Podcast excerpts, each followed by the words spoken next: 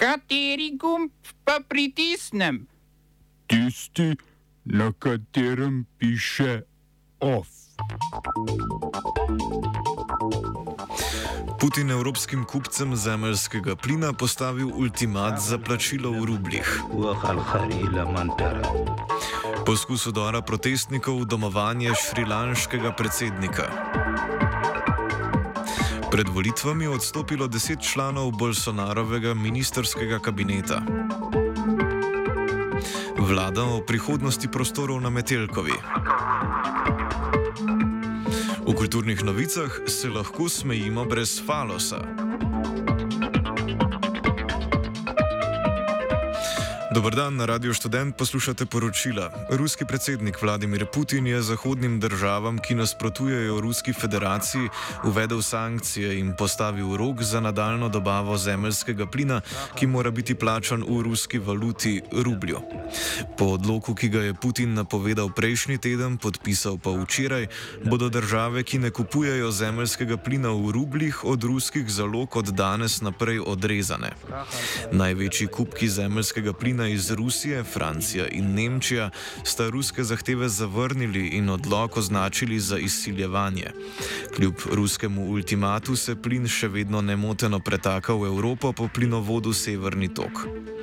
Po podatkih ruskega državnega podjetja Gazprom se je po začetku uveljavitve odloka količina dobavljenega zemeljskega plina v Evropo zmanjšala za samo 1,1 milijona kubičnih metrov, torej na 108,4 milijona kubičnih metrov, 109,5 milijona kubičnih metrov dan prej.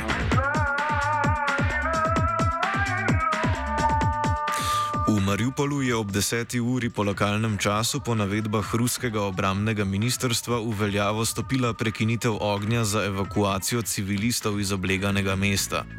Ruski general-major Mihajl Mizincev je sporočil, da bosta pri evakuiranju sodelovala Urad Združenih narodov za begunce in Mednarodni odbor Rdečega križa.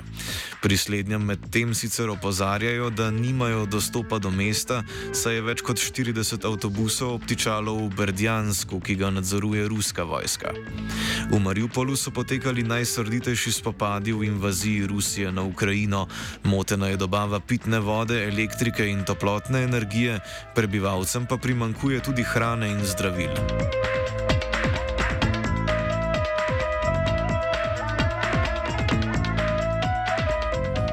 Na Šrilanki je bilo ob poskusu udora protestnikov domovanje predsednika Gotabaje Rajapakse v spopadih s policijo poškodovanih vsaj 50 ljudi. Gre za zadnjega v vrsti protestov, ki jih je na tem južnoazijskem otoku sprožila gospodarska kriza, najhujša od razglasitve neodvisnosti od Velike Britanije leta 1948. Motena je dobava hrane, nafte, zdravstvene opreme in drugih osnovnih življenjskih dobrin. Šri Šrilanskim oblastem je za njihovo dobavo zmanjkalo zalog tujih valut, s katerimi trgujejo na svetovnem trgu. Govorili smo z Jako Lutrom, erešovskim veteranom, ki živi in dela v Kolombo, glavnem mestu Šrilanke. Vzroke za začetek nemira ocenjuje kot sledi. Se pravi, po eni strani uh, pač cene rastejo, tudi vse vsaj na draže. Ampak se mi zdi, da je kar je zares sprožilo, je uh, ta fucking elektrika. Pač na začetku je uh, vsak dan za dve ure zmanjkovalo elektrike, ali je začelo biti za dve ure do povdne, pa dve ure popoldne. Po je prišel tanker z nafto, pa so že vsi mislili, da se zdaj pa bo, ne, nazaj back to normal. Uh, ampak je šlo sem na slabši. In tako zdaj v tem trenutku smo tako že skoraj cel dan brez elektrike. Kako pa gospodarska kriza vpliva na življenje običajnega prebivalca Šrilanke? Uh, ja, predvsem tako, da, da so cene vrtoglave ugošle. Pač recimo, vem, uh, liter benzina je bil, mislim, da 2019 je bil tako 60-80 rupijev, uh, danes je čez 300. Um, Potle je podobno tudi za plin, ne, plin, folk rab za kuhati. Ne. ne sem, da je šel pač plin gor, ampak tudi težko ga je dobiti. In pa tudi isti problem z benzinom. Ne, ne sem, da je cena šla v pičko materno gor, ampak tudi težko ga je dobiti in so tako ogromne vrste pred benzinskimi črpalkami. Salomonovi otoki so sklenili obrambni pakt z Ljudsko republiko Kitajsko, a ob tem prepovedali gradnjo kitajske vojaške baze na domačih tleh. Po podpisu obrambnega sporazuma s Kitajsko je Salomonovo otoški premijer Manaseso Gavare vselej dal vedeti, da sporazum ne pomeni samodejne zelene luči za izgradnjo kitajskih vojaških baz na tihooceanskih otokih. Državni predstavniki federativnih držav Mikronezije in Nove Zelandije so vlado Salomonovih otokov opozorili, da zavezništvo s Kitajci lahko celotno regijo uplete v spor med Kitajsko in Združenimi državami Amerike. Avstralski obramni minister Peter Dutton je povedal, da potezo Salomonovo otoške vlade spoštuje, a prav tako posvaril pred morebitnim upletanjem regije v konflikt s Kitajsko. Dutton je poleg tega povdaril, da bi gradnja kitajske baze na Salomonovih otokih pomenila povečano prisotnost avstralske vojske v regiji zaradi bližine Salomonovih otokov Avstraliji. Kitajsko zunanje ministrstvo je v izjavi za javnost povdarilo, da sporazum s Salomonovimi otoki krije zgolj javno zaščito in pomoč pri ukrepanju v primeru naravnih katastrof.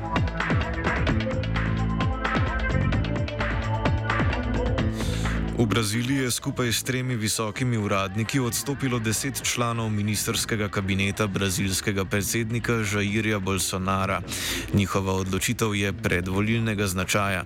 V skladu z volilnim zakonom morajo javni funkcionarji odstopiti svojih funkcij, da lahko ponovno kandidirajo na volitvah. Te bodo v Braziliji oktobra, ko se bo Bolsonaro za nov mandat potegoval proti nekdanjemu brazilskemu predsedniku Luizu Inaciju Luli da Silvi. Kampanja se uradno začne avgusta, a oba kandidata že vodita svoje predvolilne aktivnosti.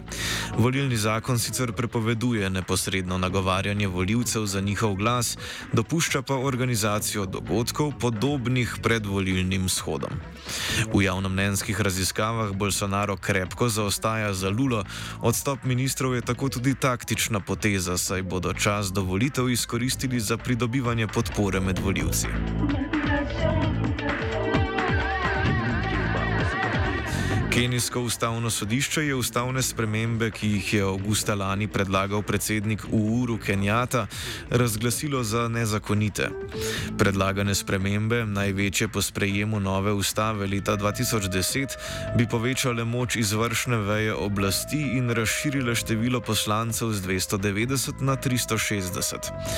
Ustavni sodniki so sicer pustili možnost uveljavitve tako imenovane inicijative gradnje mostov, kot pravijo reformiranju ustave, vendar na način, da predsednik ni udeležen v procesu njihovega sprejemanja.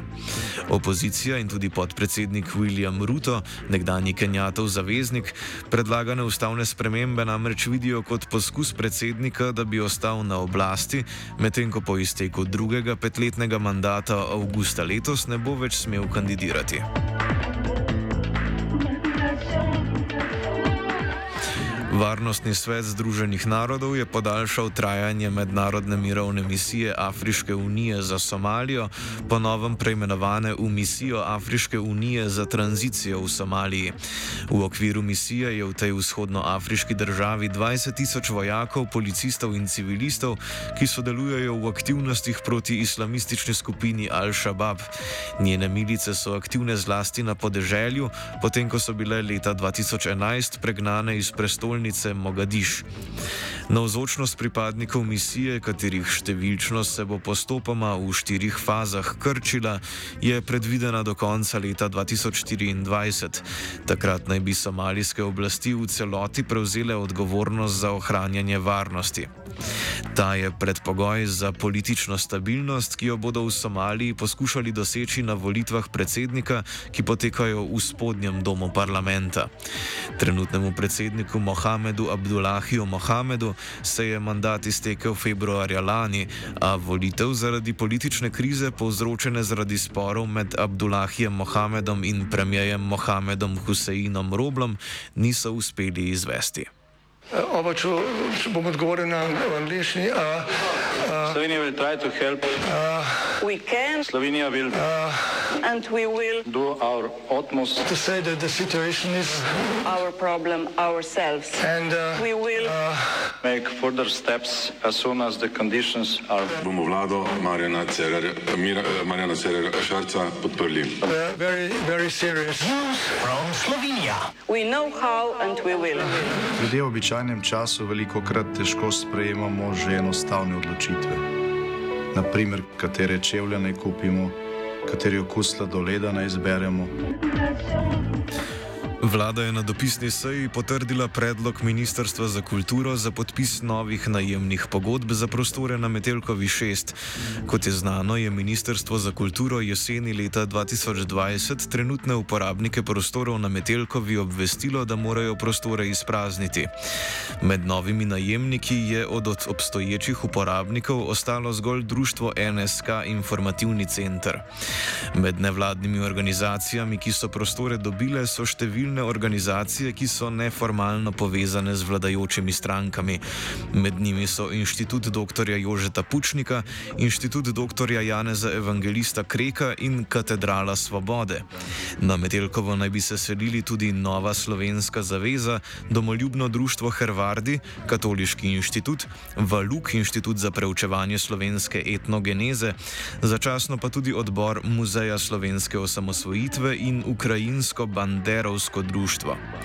V društvu Skus, samostojni kulturni ustvarjalci Slovenije, ki je med organizacijami, ki jim kmalo grozi deložacija z Metelkove 6, menijo, da je Ministrstvo za kulturo nove najemnike izbralo brez ustreznih kriterijev in nepotistično.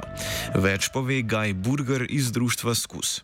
Ja, v društvu Skus smo absolutno ogorčeni nad dejanji vlade in uh, vidimo to kot vele izdajo vseh kulturnikov Slovenije, še zlasti pa nas, zvestih uh, na Metelkovi, da nas zamenjajo s temi nekulturnimi butli, uh, milo rečeno. In res si želim, da bo slovensko ljudstvo si zapomnilo ta usoden datum, ko je Metelkova izgubila svoje najbolj zveste uh, pristaše kulture. Ja, vlada lahko pričakuje vsakodnevne uh, kolesarske, kolesarska romanja okoli območja uh, avtonomnega kulturnega prostora Metelkove, uh, dokler nam ne vrnejo naših prostorov. Ovsta pripravila vajenec Jan in Žiga.